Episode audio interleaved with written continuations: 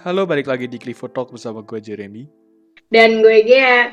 Nah, gimana nih kabarnya para Cliffoners? Semoga kalian tetap sehat ya, mengingat sebentar lagi bulan puasa dan harus tetap di rumah aja. Gimana kalau kita bahas sesuatu yang menyenangkan?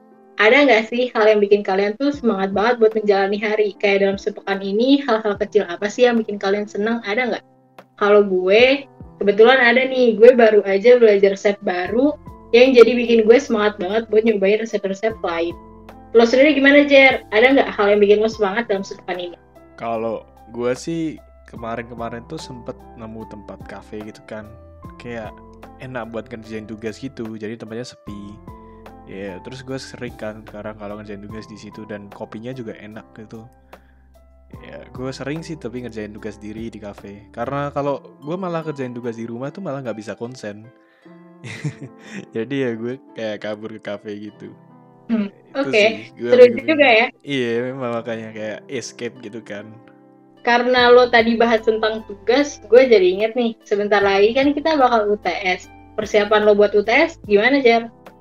Ya, gue gue santai aja sih UTS, soalnya kan itu dari tugas sih. Jadi kan tugas jadi UTS kalau di kafe. Kalau lo gimana kan?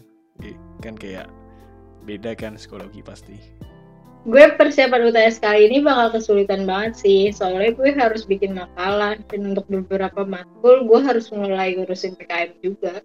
Ah PKM apa itu G PKM baru denger gue coba tuh PKM PKM itu tuh singkatan dari program kreatif mahasiswa. Jadi sesuai apa yang udah gue dapet yaitu PKM PSH waktu itu kita bikin proposal penelitian nanti proposalnya bakal diseleksi sama binus. Nanti kalau udah lolos di tahap binus proposalnya bakal kita ajuin ke dikti. Kalau lolos di dikti penelitiannya bakal kita laksanain dan didadai sama dikti juga. Dan setahu gue untuk beberapa kampus kalau menang PKM juara 1 sampai 3 katanya nggak bakal skripsi. Tapi nggak tahu udah di binus. Wah kok seru juga itu berarti kayak uh, bisa jadi jalur cepatnya skripsi gitu juga ya kalau misalnya juara satu tiga gitu. Itu tapi nggak nggak tahu juga ya di binus ya nggak tahu sih tapi kalau di kampus lain bisa banget buat jadi syarat kelulusan oh, gitu. kayak gue pikir tuh tempat kayak mikir kayak PKM tuh mungkin kayak entry gitu ternyata beda juga. Kayak entry kan bikin bisnis gitu kan kayak ada matkul tambahan. Uh, berarti ini juga syarat kelulusan jurusan lo gitu nggak itu PKM Enggak, ini bukan syarat kelulusan jurusan gue, tapi lebih syarat kelulus UAS sih untuk berkumpul. Tapi kalau menang PKM ini lumayan jadi suatu achievement buat diri sendiri karena bisa jadi poin plus di CV juga. Selain itu, lolos PKM itu pengetahuan gue emang sulit, jadi wajar aja kalau misalnya nggak bakal skripsi dan dapat bakal poin plus. Oh, keren juga tuh. Uh, it ya beda sih berarti sama Ender memang sih. Uh, kalau Endre kan gue bisa bikin bisnis ya kalau bisa jalan mungkin bisa masuk di porto gue dan bisa aja jadi pengganti. Lo tau nggak ya semester 6 6 ya? Itu ada yang milih mau milih bikin bisnis atau magang itu kan kan mayan ah, iya, gue tahu iya itu kalau misalnya Endre bisa jalan kan bisa buat nutupin itu tuh mayan tuh. Dan bisa dapat duit juga kan. Asik banget sih kalau misalnya beneran dapat duit Iya. Tapi itu masih semester 6. Ini kita iya. udah depan mata iya, dua masih... minggu lagi Ger. Ada nggak sih ketakutan ketakutan di UTS kali ini? Uh, gue sih mayan nilainya sih mungkin ya dari tugas. Tapi kalau masalah kayak masalah tegangnya itu UTS kayak hal biasa sih jadi kayak deadline tugas doang kan ya. Uh, gue tuh kemarin sempet kan semester 3 kemarin tuh kayak lagi habis-habisnya nih wis tapi kayak nggak tahu semester 4 ini bisa mempertahankan atau enggak. Nah gue takutnya mungkin bakal nurun di situnya sih. Nah kalau lu gimana kalau gue sih saran gue kalau lo emang merasa diri lo gak sanggup untuk di semester 4 merasa diri lo drop ya jangan ngerjain UTS dekat-dekat deadline. Emang sih deadlineers itu enak. Tapi kalau misalnya lo ada kesalahan sedikit ya lo pas lo buka my exam tuh kayak udah nggak bisa submit kan jadi mess up sendiri yeah. panik sendiri tuh ada tuh yang kayak gitu juga banyak kan yang bener-bener hari hanya waktu mau ngumpulin tuh kayak mess up di mic apa di binusnya tuh kan Tapi memang sih Iya, bener bener. lu juga kan kayak "Hah, kesehatan mental tuh malah yang diperluin kalau masa-masa kayak gini. Ya nggak cuma UTS sih kayak buat tugas buat ke depan-depannya lu dalam kerja tuh kayak penting banget gak sih tuh kayak lebih Penting baik banget. daripada lu capek-capek ini kalau misalnya lebih rugi lu sumpah kalau lu mau ngorbanin fisik sama mental lu gitu Karena mood juga berpengaruh ke semuanya sih. Kalau misalnya mood lo jelek ya semua gagal juga kayak UTS lo jadi ngaret lo nah iya. ngapa-ngapain juga ogah-ogahan. Jadi ya mood harus tetap dijaga. Nah ini kan minggu-minggu depan kan bentar lagi udah mau puasa kan ya Kayak berapa minggu lagi Iya benar. Nah itu kan pas mau UTS Itu gimana tuh? Gue sih nggak ada persiapan tertentu. Karena kan UTS-nya open book, tapi ya tinggal pintar-pintar promosi aja sih. Soalnya kan UTS kadang ada aja kan, ya hal-hal yang bikin. Karena kalau lihat soal UTS tuh nggak kelar-kelar tuh bawaannya ya pengen banting laptop aja kayak kenapa ini nggak kelar gitu kan. Jadi tantangan tersendiri lah buat gue.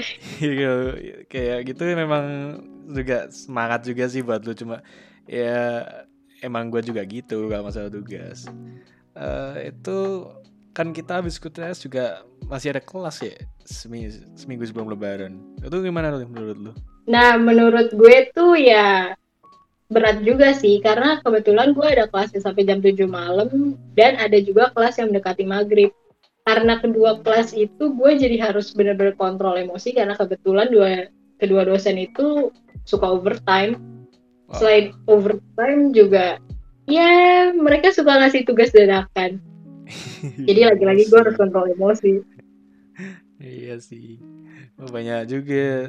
Gue gue dulu juga semester malah gue semester satu sih dulu yang paling berat menurut gue.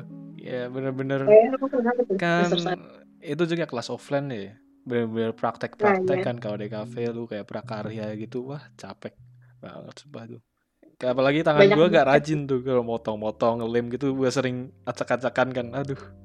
Emang itu masa-masa paling dropnya sih gue. Tapi jujur semester 23 udah lumayan. Ya, Karena udah mulai online gak sih? Iya, Jan? tapi ya rugi sih online juga kan menurut gua. Lu gimana tuh kayak kuliah online gitu? gue kuliah online sih merasa ya awalnya mungkin waktu semester 1 gue kaget ya karena belum biasanya offline tiba-tiba online belum ada. Iya. Tapi karena setelah merasakan UTS yang open book, puas open book, tugas-tugas yang bisa kerjain bareng temen, bisa diskusi bareng temen, jadi kayak ngerasa enak juga sebenarnya online gitu. Walaupun ya emang cuma kayak duduk depan laptop dengerin dosen terus bisa di record gitu kan. Iya. terus nanti tinggal nyatet ulang. Tapi ya ada enaknya juga gitu. Kayak kalau offline gue harus bangun pagi terus ke kampus lah. Belum lagi kalau misalnya jam 7 pagi ngejar kereta gitu kan. Jadi kayak ya kalau offline nggak tahu sih gue bakal Oh, tuh lu berarti kalau bisa offline berarti lu dari daerah mana sih lu berarti? Jakarta Selatan Oh, Jakarta Selatan lu. Di mana ya tadi ini? di Tebet lo tau nggak Oh, bukan anak Jakarta sih gua pakai. Oh, iya, iya. iya, tahu Jaksel. Tangerang lupa Iya. Gue kalau gue sih kan alsut kan ya beda. Cuma banyak kos kan jadi deket-deket situ masih agak mending ya mungkin nggak macetnya. Gue kalau kelas offline Ah. tuh mungkin malesnya parkirannya tuh ah gila di alsut tuh pasti full oh terus. gue tuh. Iya. gue sih kebayang ya karena gue pernah survei sedikit ke binus dan lokasinya emang sempit banget apalagi gue di Kijang Oh iya Iya. iya kalau Kijang wah itu kayak SMA kan ngitungnya. Balik dari iya, SMA banget tuh. Eh. kayak dan masuk-masuk ke gang gitu kan jadi kayak pasti macetnya hektik banget Iya, eh kalau gue tuh juga masalah kalau offline juga kan ya ini ketemu temen tuh yang paling suka sih gue. Mungkin lu 24 belum ketemu ya kayak teman secara ininya. gue belum ketemu secara offline gitu ya mungkin yang lain yang anak B24 lain mungkin udah tapi gue prefer untuk enggak gitu loh karena Oh, gue selain menjaga diri gue sendiri menjaga dia juga gitu. Tapi ya kalau misalnya harus offline semester 3 ya mau nggak mau harus iya sih. berani Iya bang. Apalagi yang susah ya kalau yang introvert gitu kan langsung Iya, benar, ya. nah iya buat anak-anak introvert mungkin yang kayak awalnya di chat asik gitu kan tapi Iya. ntar pas ketemu kayak kaku kayak tapi batu tuh nggak cuma introvert sih itu kayak ke semua ada kau kelamaan di rumah mulu kayak Ah, gue pernah iya, tuh kan kemarin-kemarin kayak Iza tiga bulan di rumah kan kayak terus ayo nongkrong tuh keluar kan. Ketemu kayak bener-bener wah kayak mau ngapain gitu? Bingung. Jadi tapi anak-anak itu juga bingung pada main HP semua jadinya kan. Soalnya Ah, gimana ya awkward aja jadi kayak tiba ketemu gitu kan. Kalau zaman dulu kan ketemu wah langsung heboh-heboh gitu kan. Ya gitu sih kalau gue ya udah balik lagi topik aja kita. Eh, UTS ya tadi ya. Eh, habis UTS kan.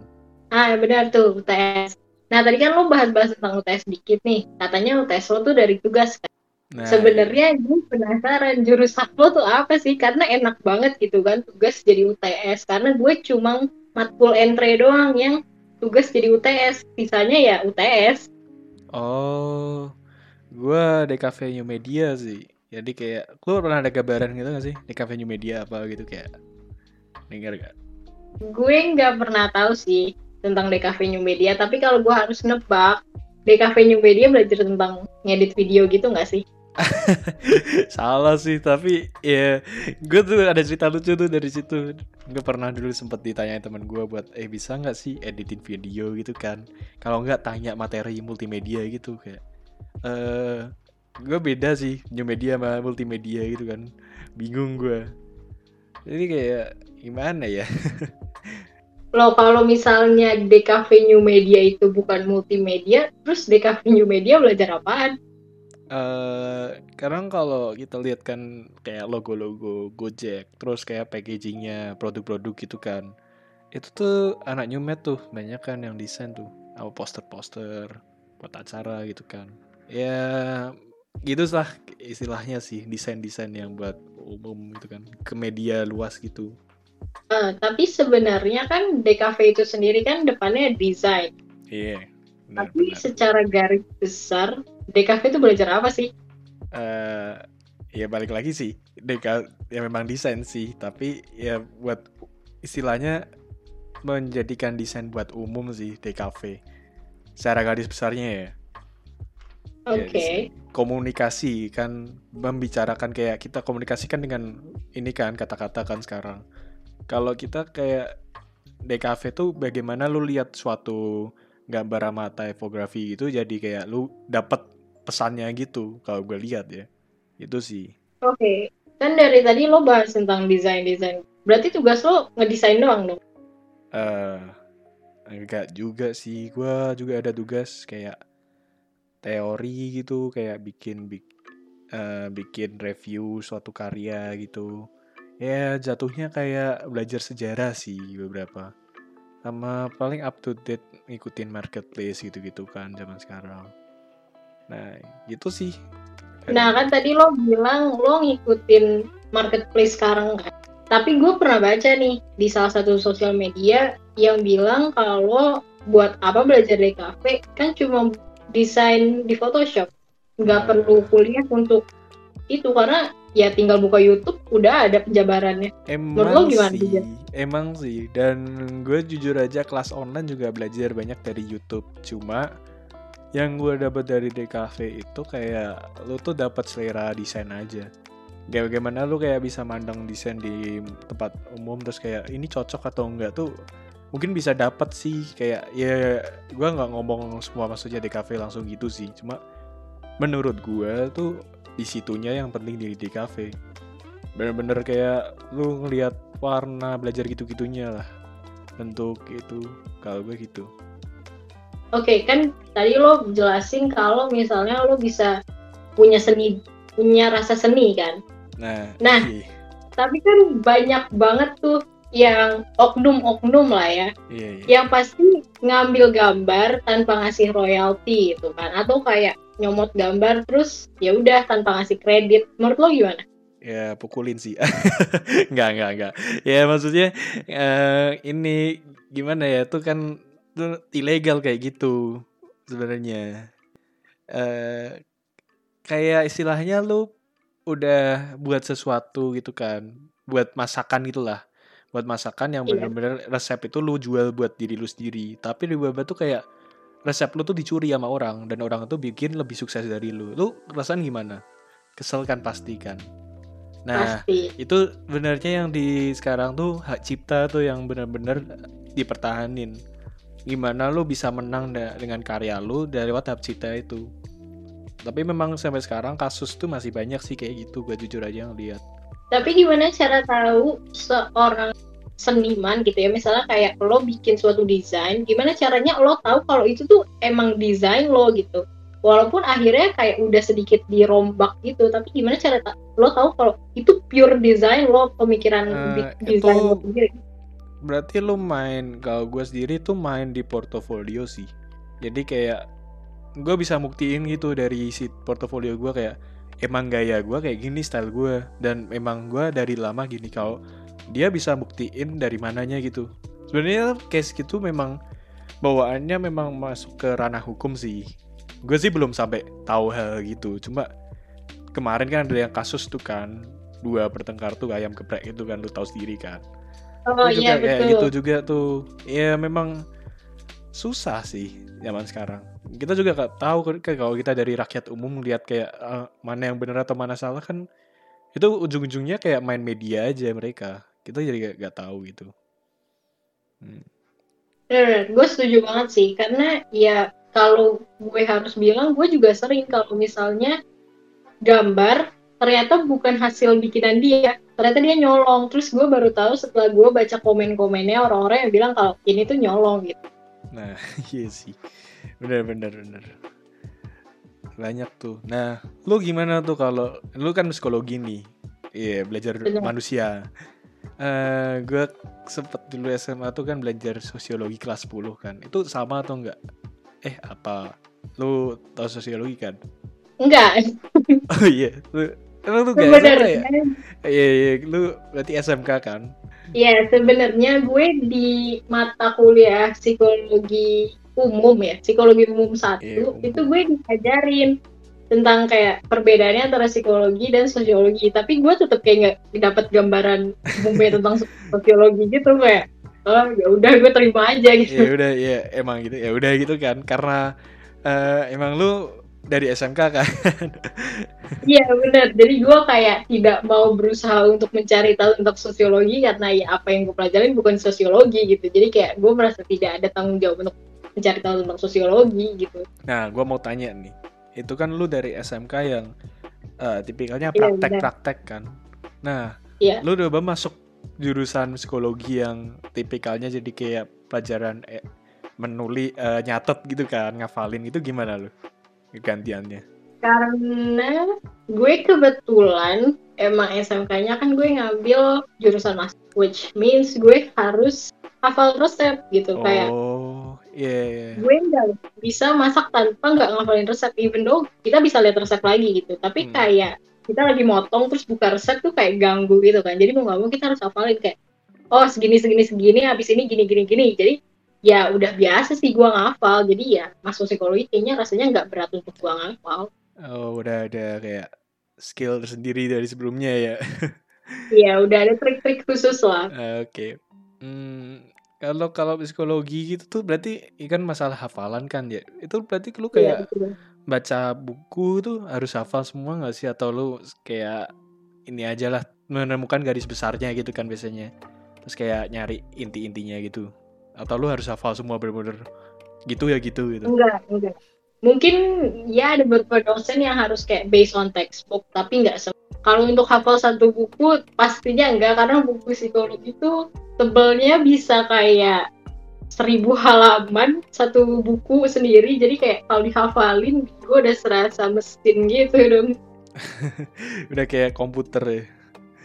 Eh, ya kalau misalnya otak gue kayak komputer sih kayaknya asik juga ya. Iya, gue juga mau kayak gitu dah. Eh, terus lu kan ini berarti semester 2 aduh ke- kepikiran nggak? Kayak gue lulus bakal jadi apa? Udah ini nggak? Kayak pikiran banget kayak Hmm, prospek kerja gue gitu. belum ada pikiran sejauh itu sih. Oh, mungkin kalau misalnya teman-teman gua ya kayak yang ya yang sejurusan sama gua atau yang satu semester sama gua ya mungkin jawabannya mau lanjut S2 sih. Soalnya hmm, kayak kita satu psikologi rata-rata ambil S2 buat jadi psikolog. Kita bukan kedokteran yang ada koasnya jadi lulus S1 udah bisa praktek. Kita nggak bisa. Kita harus S2 untuk bisa praktek terus nanti dites sama HIMSI gitu tapi kalau gue sejauh ini gue cuma mikirin kayak ya intinya gue gimana caranya lulus tepat waktu udah gitu aja. Oh iya iya. Oke oke. Ya siapa tahu mungkin lu kan bisa aja balik jadi chef itu kan nggak tahu kan ya. Atau Hmm, lu pernah jadi. waktu SMK tapi gitu? gue nggak tertarik sih. Oh nggak tertarik ya? Gue kira lu suka masak terus ini. Eh kalau gue tanya lagi kan kayak itu kan eh, lu tadi jadi apa psikiater? Psikiater kan itu yang lu maksud kan nanti yang tadi butuh koas ininya kan. Nah eh, itu bedanya psikolog sama psikiater tuh apa sih? Kalau psikiater itu lulusan kedokteran jadi psikiater itu punya gelar SCAT sarjana kedokteran dan dia tuh ya pernah jadi dokter umum. Kalau kita ya sarjana psikologi Oh, SPSI Oke, berarti dia ngambil S2-nya psikolog tapi S1-nya dokteran gitu atau enggak enggak enggak. Beda beda. jadi dia S1 kalau psikiater itu S1-nya kedokteran S2-nya dia ngambil spesialis psikiatri oh, gitu. spesialis. Oke. sama kayak psikolog juga S1-nya eh, psikologi S2-nya psikologi profesi Eh, untuk jadi psikolog oke. Tadi lu kayak pernah nyebut HIMSI ya.